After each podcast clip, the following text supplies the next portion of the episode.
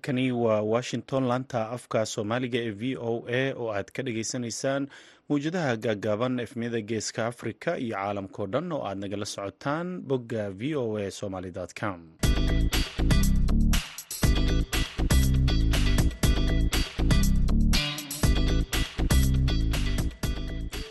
Duhur wanaagsan dhegaystayaal waa maalin sabti ah bisha oktoobar ee sanadka afrikada bari saacaddu waa kowdii iyo barkii duhurnimo. Idaacadda duhurnimo ee barnaamijka dhallinyarada maantana waxaa idinla socodsiinaya anigoo ah cabdulqaadir maxamed samakaab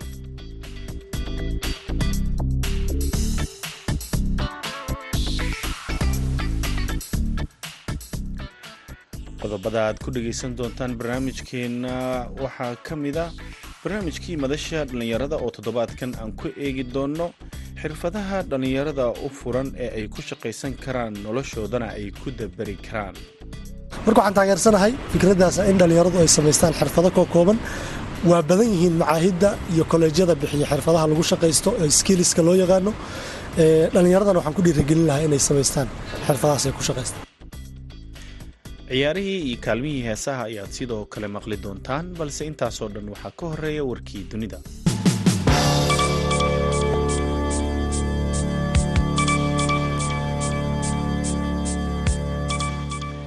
waxaa maanta maxkamadda ciidamada qalabka sida ee soomaaliya ay xukun dil ah ku filisay axmed cabdulaahi cabdi oo bishii mey ee kii dilay wasiirkii howlaha guud iyo dib u dhiska xukuumaddii ra'iisul wasaare xasan cali khayre allaha u naxariistee cabaas cabdulaahi siraaji maxamuud siraaji oo ah marxuumka walaalkiisa ayaa soo dhoweeyey dilka lagu fuliyey axmed cabdulaahi cabdi isagoo bartiisa twitter-ka ku soo qoray in ugu dambeyntii ay cadaaladda guulaysatay.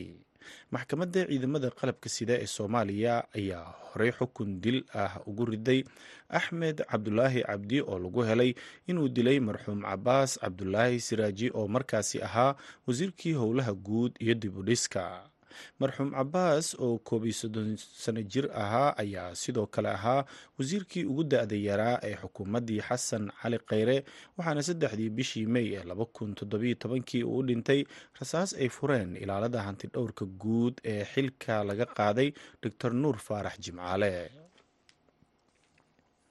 maamulka madaxweynaha mareykanka joe biden ayaa ku dhawaaqay jimcadii in dadka ethoobiya u dhashay ee sharci la'aanta ku jooga dalkan maraykanka la siin doono sharciyada shaqada islamarkaana aan la tarxiili doonin muddo siddeed iyo toban bilood ah iyadoo dalka ku yaalla bariga afrika ay ka taagan tahay colaad ay dad badan ku dhinteen sida ay qortay wakaaladda wararka ee reuters waaxda amniga gudaha ee maraykanka ayaa sheegtay jimcadii inay kordhinayso waxa loo yaqaano xaaladda ilaalinta ku-meel gaarka ee t p s ee dadka ethoobiyaanka ah sababa la xiriira xaaladda sii xumaanaysa ee dalkaasi ka taagan taasoo halis ku ah in dadka ay dalkooda si nabada ugu noqdaan dadka etoobiya ee degan maraykanka ayaa laga bilaabo labaatankii bishan oktoobar ee sanadkan ka waxay xaq u leeyihiin in waaxda amniga gudaha ay ka codsadaan sharciga shaqada xogayaha waaxda arrimaha amniga gudaha ee maraykanka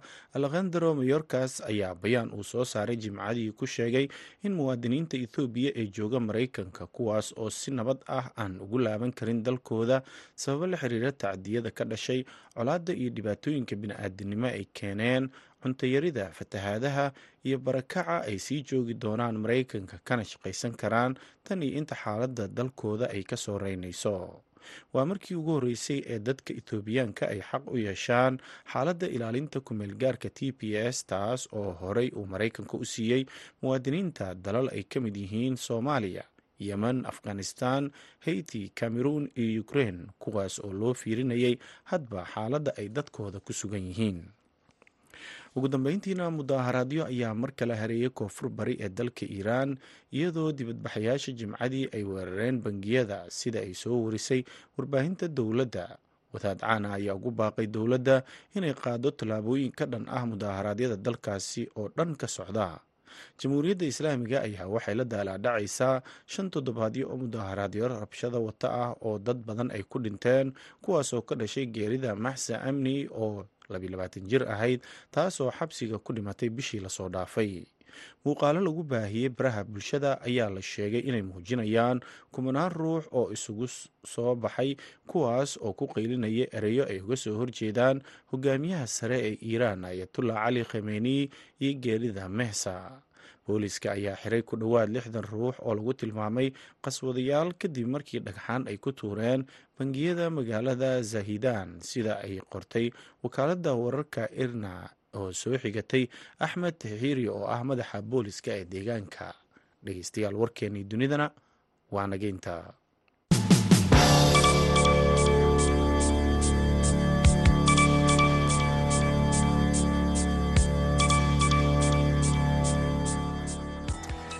halkaad warkaasi ka dhageysanaysaan waa idaacadda v o a oo idinkaga imaaneysa washington. Duhur wanaagsan mar kale dhegeystayaal haatanna waxaad ku soo dhowaataan barnaamijkii madasha dhallinyarada. Waxaa soo diyaariyey ama soona jeedinaya wariyaha v o eda ee magaalada nairobi qadar maxamuud xareed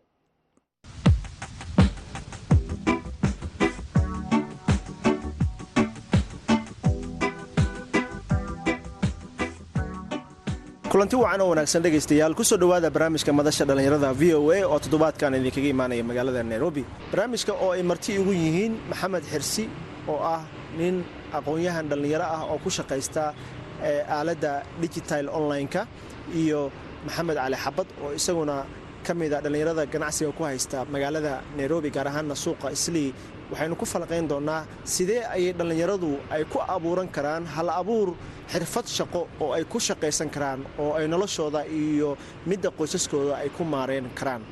Ugu horreyn waxaan siinayaa maxamed xaris.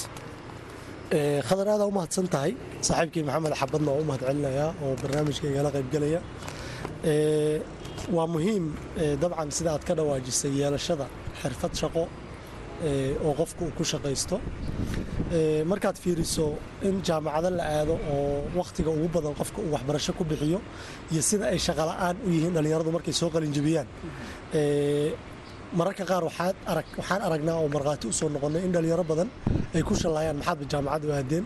Ood u samaysan weydeen xirfad kooban reerihiinna aad ka biilataan kuna shaqaysataan. Waxaan ka mid ahay dadka aaladda dijitaalka ee onlineka ku shaqaysta xayisiimaha ku sameeya biilashooda reerahooda iyo masaariiftooda nololeedna halkaas ka soo saarta. Waxaan is leeyahay marka in la samaysto xirfad shaqo oo kuu gaara yaa waxay ka qiimo badan tahay wakhtiga hadda aan joogno in la aado jaamacad. Walow jaamacadda lafteeda aanan quursanayn haddana samaysashada xirfadda ayaan is leeyahay way ka muhiimsan tahay aadista jaamacad waayadan sababta oo ah wakhtiga waa ka yaryahay wakhtiga jaamacadda la aado faa'iidada iyo wax soo saarku waa ka badan yahay shaqa abuur ama xirfad jaamacad aad oga soo baxday inaad ku shaqaysato ama shaqo aad ku hesho mararka qaarna wayba adag tahayba helideeda marka waxaan taageersanahay fikraddaas in dhallinyaradu ay samaystaan xirfado koo kooban waa badan yihiin macaahidda iyo kolleejyada bixiya xirfadaha lagu shaqaysto ee skiliska loo yaqaano. Dhallinyaradana waxaan ku dhiirigelin lahaa inay samaystaan xirfadahaas ay ku shaqaystaan marka miyaysan dhallinyaradu labaduba samayn karin inay jaamacadaha aadaan xirfadda ay ku shaqaystaanna ay la yimaadaan way dhacdaa. Dhallinyaro badanoo samaysana waan garanayaa laakiin mararka qaar duruufta iyo danahan kuu saamaxayn in wakhtigaada ugu badan aad jaamacadna geliso xirfaddii aad baratay oo wax soo saarkaada nololeed ay ku xirnaydna aad ka soo saarato. Marka mararka qaar waa ku khasban tahay inaad dhinac u goodo walow mararka qaar doodaas la ayidi kara ah in xirfadna la samaysto waxbarashadii aasaasiga ahayd ama nidaamiga ahaydna la sii waqto waan kugu soo laabanayaa maxamed cali xabad soo dhowow adigu maxay kula tahay? Waa ku salaamaya saaxib adiga iyo saaxiibkay maxamed labadiinaba dabcan waa arrin fiican. Waxaan filayaa dhallinyartu waayadan dambe waxay noqotay waxaa loo kala go'ay laba shay. Kow horta wuxuu noqday xirfadda koowaad in wax la barto. Laakiin wax lagu lamaalayaa lalaaya wixii lagu lamaanaynayay keliya soomaalida dhallinyartii waxay ka noqotay waxbarashadii in xafiis dawlada shaqo laga helo ama in la tahriibo keli ah fursado kaleeta inay jiraanba dadkii waa la yahay waxbarashada runtii mar walba way fiican tahay mar hore iyo mar dambeba laakiin mar walba waxaa habboon qofka inuu skills ku shaqaysto oo weliba maskaxda ka soo maaxanaya uu leeyahay. Waxyaabo kaleeta uu kabi kara. Maalan waa dhexdaas waxaan arkayay nin mandheera joogo jaamica ah oo inta wax bartay xafiisadii si uu shaqo uga waayey kadibna meel shaha furtay oo runtii idaacada ay waraysanayaan hadda waxay ugu maqalaa in maamulkii ay shaqo siiyeen ninka asagaa dabcan sax weeye in shaqa la siiya laakiin waxaan aaminsanahay inay ka habboonaan lahayd in maanta xafiisku uu kaloo shaqaalo u noqdo. In shaqadiisii sheehaas iyo waxaa la mid ah lagu dhiirigeliyo oo wix la siin lahaa lagula kaalmeeya ka fiicnaan lahayd. Runtii qofka in mar walba xirfad leeyahay way fiican tahay. Dhallinyartuna hadda dadaalkaasi waxaad moodaa in hadda aan loo soo jeedin waayadan dambe qaabo badan baa loo shaqaysan karaa runtii in banaanka aad alaab dhigato. Hadda maala nairobi baan joognaa inaad banaanka alaab dhigataad heli kartaa. Inaad meelo yararoo maqaayado yararaa jira iska lacag raqiisa waxa badan aan kaga baahnayn in laga furtaa la awooda. In qofku uu xirfado kaleeta aqoomo kaleeta uu leeyahay ama gacanta ha noqoto maala dharka la tolayo kaleeta ha noqoto ama ha noqoto sida hadda walaalkay uu ku shaqaysto ka digital kale ha noqoto ama darawalnimo ha noqoto waxyaaba badan oo kaleeto wax lagu kabi kara way jirtaa. Marka wax walba waxaan leeyahay dhalinyartu waxaa ka habboon in wax la barto.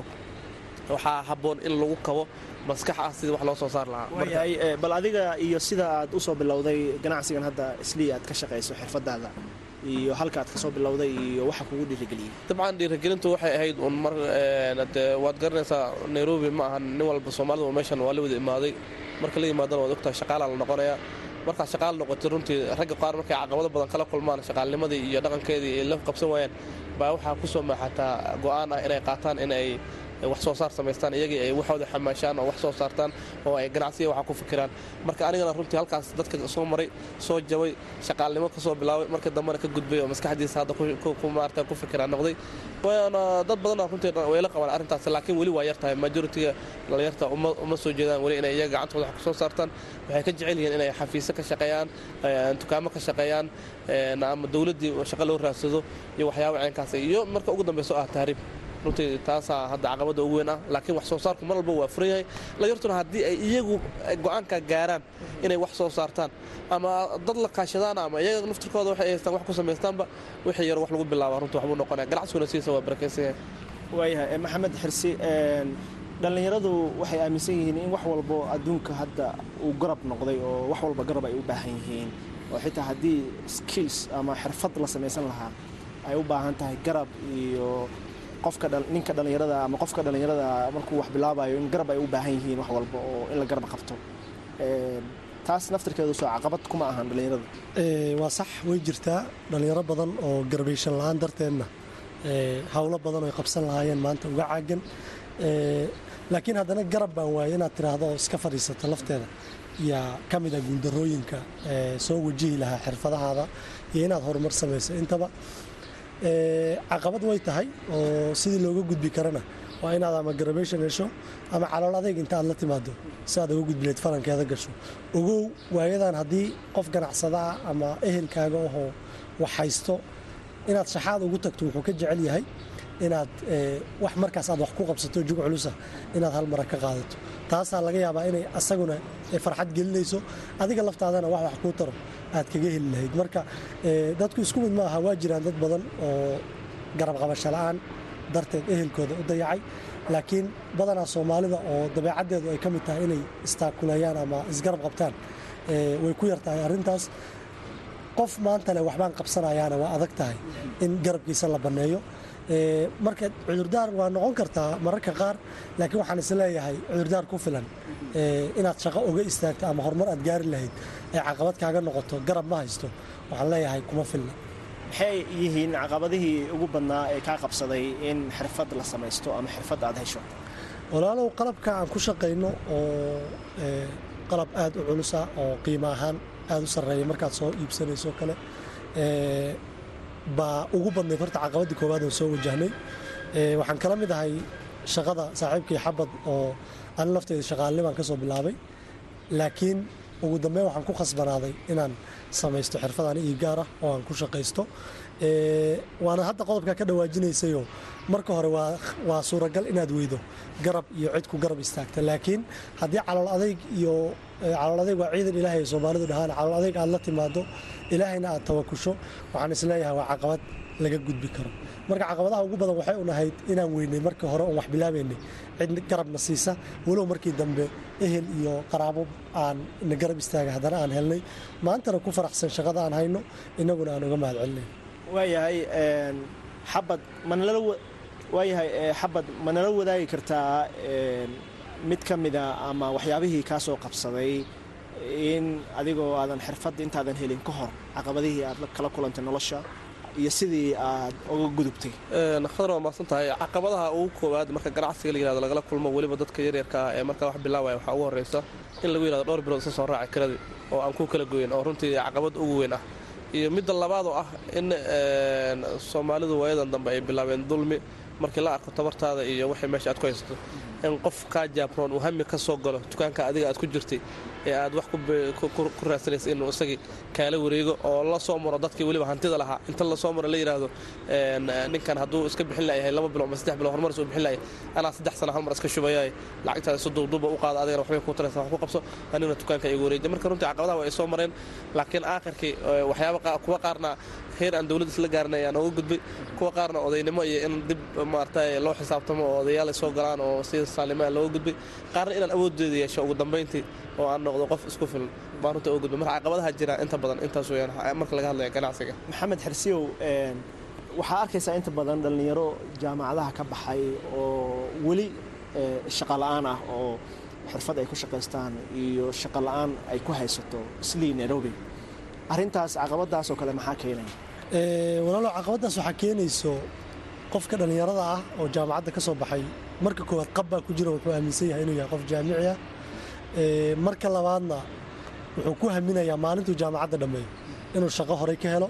Laakiin markuu suuqa yimaado oo jaamacaddiina uu soo dhameeyey shahaadooyinkiisii soo qaatay shaqola'aanna ay ku dhacdo weeye markuu waagu ku baryahay qofka dhallinyarada ah ee jaamacadda ka baxay afar sanana dhiganaya dabcan waa arrin niyajab marku keenaysa asaga. Marna waxaa laga yaabaa inay kacaakuf u tahayoo caqabaddaa soo wajahday uu dhiiranaan ka qaado oo qof jaamacad ka soo baxay oo xirfad inuu samaysto darteed hadda galaas kale u aadaan garanayaa. Si xirfaddaas markuu samaysto uu ugu shaqaysto. Marka caqabadaha ugu badan oo dhallinyarada soo wajaha waa inay u fadhiyaan inay xafiis ka shaqa bilaabaan maalinta ay jaamacadda soo dhammeeyaan arrintaasna arrin raaxo iyo sahal lagu helayo maahane waa arrin ama mar garabation lagu helo ehelnimo qof ehel ahoo shaqo ku siiya aad hesho ama fursad shaqo markaas bannaanoo calafkaada noqotay inaad hesho maahane waa arrin dhif iyo naadir ah in durbaba la helo. Marka dhallinyarada caqabadaasaa ka haysata waana arrin marna niyajab ku keeni karta. Marna laga yaabo inay kab u noqoto oo go'aanba maalinkaas intuu gaaro uu xirfad ku samaysan lahaa. Maxamed xabad adigu weli dhallinyaro mala kulantay wajahaya caqabadihii aad ka soo gudubtay markii aad noloshan ku jirtay ama ganacsiga xirfaddan aad bilaabaysay oo talooyin ama aad kala hadashay ma jiraan? Runtii ma jiraan. Hadda qof aan ku dhigi karo hebel oo kaleeta ma jiraan. Laakiin arrintaas waa arrin jirta. Markii laga hadlayo ganacsiga iyo bilowgiisa daalaadhiciisa u hore ee weliba qofka uusan lahayn garab weyn oo garab istaaga aynan jirin oo isagii uu isku tashanayo oo weliba qof dhallinyara u yahay magaaladana uu markaas laga yaabo inuu ku cusub yahayba caqabad runtii jirto haysata weeyaan qof had shaksiyan aniga hadda aan ku dhihi karo qofkaas haysta ama aan arkay malaha laakiin waa caqabad aan shaki lahayn qof walba oo bilow ah oo nairobi jooga inuu mar walba la kulmo ee cadda waxa weeyaan aan wax shaki aan ku jirin maxay yihiin natiijooyinka ama guulaha ilaa iyo hadda mar aad ka gaartay maxamed markii laga soo bilaabo markii aad xirfaddan samaysatay khadaro mahadsanid waxaa waaye natiijooyinku waa badan yihiin waxaa ka mid ah anugu markii hore shaqeeya ah in maanta dhallinyaro ay la shaqayso waxaa ka mid ah reerkayga iyo biilka reerahayaga oo markii hore kayga la kabi jiray in maanta ayaga laftooda aan kabidooda qayb ka ahay. Iyo wixii markaas soo baxo oo qaaraan iyo quudahoo ehelka ku soo baxo ilaan adduunyaan joognaaye in qof lagu xisaabtamo sidiisaba xarun leh inaan noqday. Alxamdulilah aadaan ugu faraxsana arrintaas. Natiijooyinka marka ilaa hadda aan gaaray waa kow isku filnaansho ah naftayda iyo midda ehelkayga labo abuurista shaqo iyo xirfad dhallinyaro kale maanta inay ila shaqeeyaan oo iyagana ilaahay faddigiisa aan aaminsanahay laftooda inay ka gudbi doonaan shaqaalanimada oo u gudbi doonaan loo shaqeeye. Iyo ugu dambayn in aan dhiiro gelinahay mar walba in dadku ay noqdaan kuwa shaqaysta.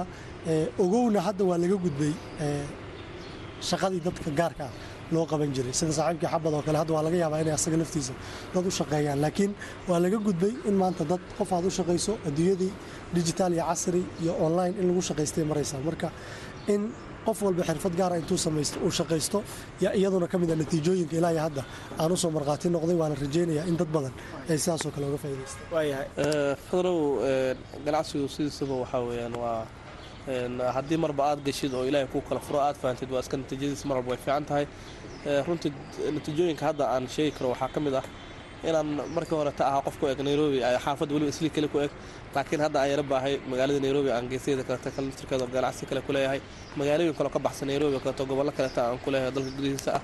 Inay ii shaqeeyaan dhallinyar fiican oo tilaa adiga hadda aan labaatan ilaa ku dhawaada ay shaqeeyaan marka runtii waxyaabo badan oo maaragtay faa'iida aa soo kordhay oo aan leeyahay maaragtay mustaqbalkan wax badan bay iska bedeli doonaan haddii ila yihahdo sidoo kaleta waxaan rajaynaya haddii ila yihahdo adigu sanadka hadda horteenna meesha bishii afraad lagu gaaro haddii ila yihahdo waxaan rajaynayaa in dhalinyaro lix dhalinyarta ka mid ah inaan haddii ila yihahdo wax inta isugu daro shaqooyinka mid ka mid ah aan aan haddii ila yihahdo aan aan ku wareejiyo oo aan idhaahdo iyagana gooni waxa uga soo saarta. Waa qaraabo runtii dad ehel iyo awaayeen dhanka kale markii laga eegana waa dad aan soo tijaabiyey wax soo saarkooda oo aan is leeyahay maanta haddii wax yar u bilowda waxbay soo saaran karaan aan is leeyahay waaye. Marka taasna haddii la yihahdo bisha saddexaad insha allah sanadka horteena ama bisha afraad insha allahu tacala sanadka horteena ayaan rabaa inaan sameeyo natiijooyinka ugu weyna aan gaaray ama maanta aan sheegan karo guulahana. Intaasaa ka mid ah runtii. Fariintaada u dambaysa ee dhallinyarada ee dhinaca xirfadda? Qadar horeyna u sheegay kow muhiimadda waxaa weeyaan in qofka horta uu tawakul sameeyo go'aanna uu gaaro sideedaba haddaadan go'aan gaarin oo waxaan ka go-naansho aadan u samaynna horumarka ma keeni kartid.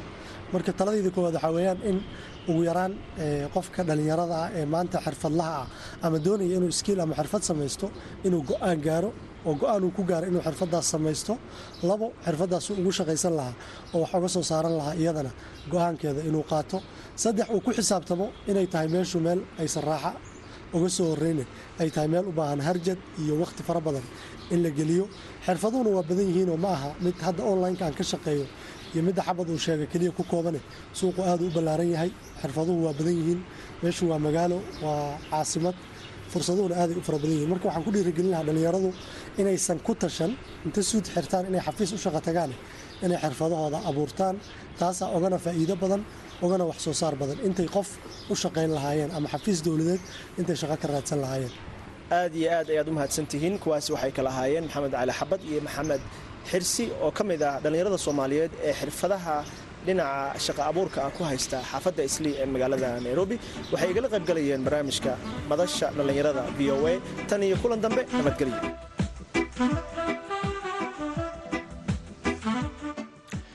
aad ayuu mahadsan yahay qadar maxamuud xareed oo nala socodsiinayay xubintii madasha dhallinyarada markana wararka cayaaraha haddii aan fiirino kulamo ka tirsan horyaalada waaweyn ee kooxaha kubadda cagta ee qaaradda yurub ayaa maanta la ciyaarayaa haddii aan ku hormarnana horyaalka ingiriiska kulamo ka tirsan ayaa la ciyaarayaa kulanka ugu xiisaha badan ayaase maanta waxa uu dhex marayaa kooxaha manchester united iyo chelsea labadan kooxood ayaana ku kala jira kaalmaha afraad iyo shanaad.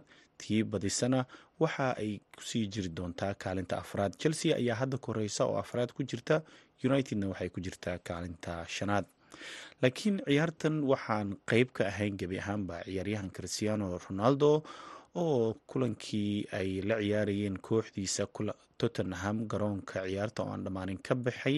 Tababare tenxaag ayaa kooxda manchester united ayaana ku ciqaabay xidigan inuu keligiisa tababarto islamarkaana uusan qeybna ka noqonin qorshaha ciyaarta ee maanta ee u dhexeysa manchester united iyo chelsea. Sidoo kale kooxda chelsea tababaraheeda potter ayaa mar labaad ka hor imaan doona wareega koowaad ee premier leaga tababare eric tanxaq iyo kooxda manchester united tababarahan ayaa isagoo baraton wato waxa uu ka soo badiyey kooxda united haddana isagoo chelsea wata ayuu mar kale la ciyaari doonaa. Kulamada kale ee dhacaya waxaa kamida kan u dhexeeya kooxaha liverpool iyo nottingham forest waana kulan goor dhow hawada soo geli doona. Everton waxay la ciyaareysaa kooxda crystal palace manchester city iyo braton albionna way isku aadan yihiin. Dhinaca sbainna rio volcano iyo real sociedad ayaa isku aadan. Aanrahda rio real vilodolid iyo real sociedad ayaa isku aadan valencia iyo mayorka ayaa is arkaya. Real madridna waxay ku aadan tahay sevilla. Talyaanigana sanatana iyo specia ayaa is arki doona. Kooxda ac milan waxay la ciyaareysaa monza fiorentina iyo inter ayaana ka mid a ciyaaraha maanta dhacaya. Markana dhegaystayaal waxaad ku soo dhowaataan kaalmihii heesaha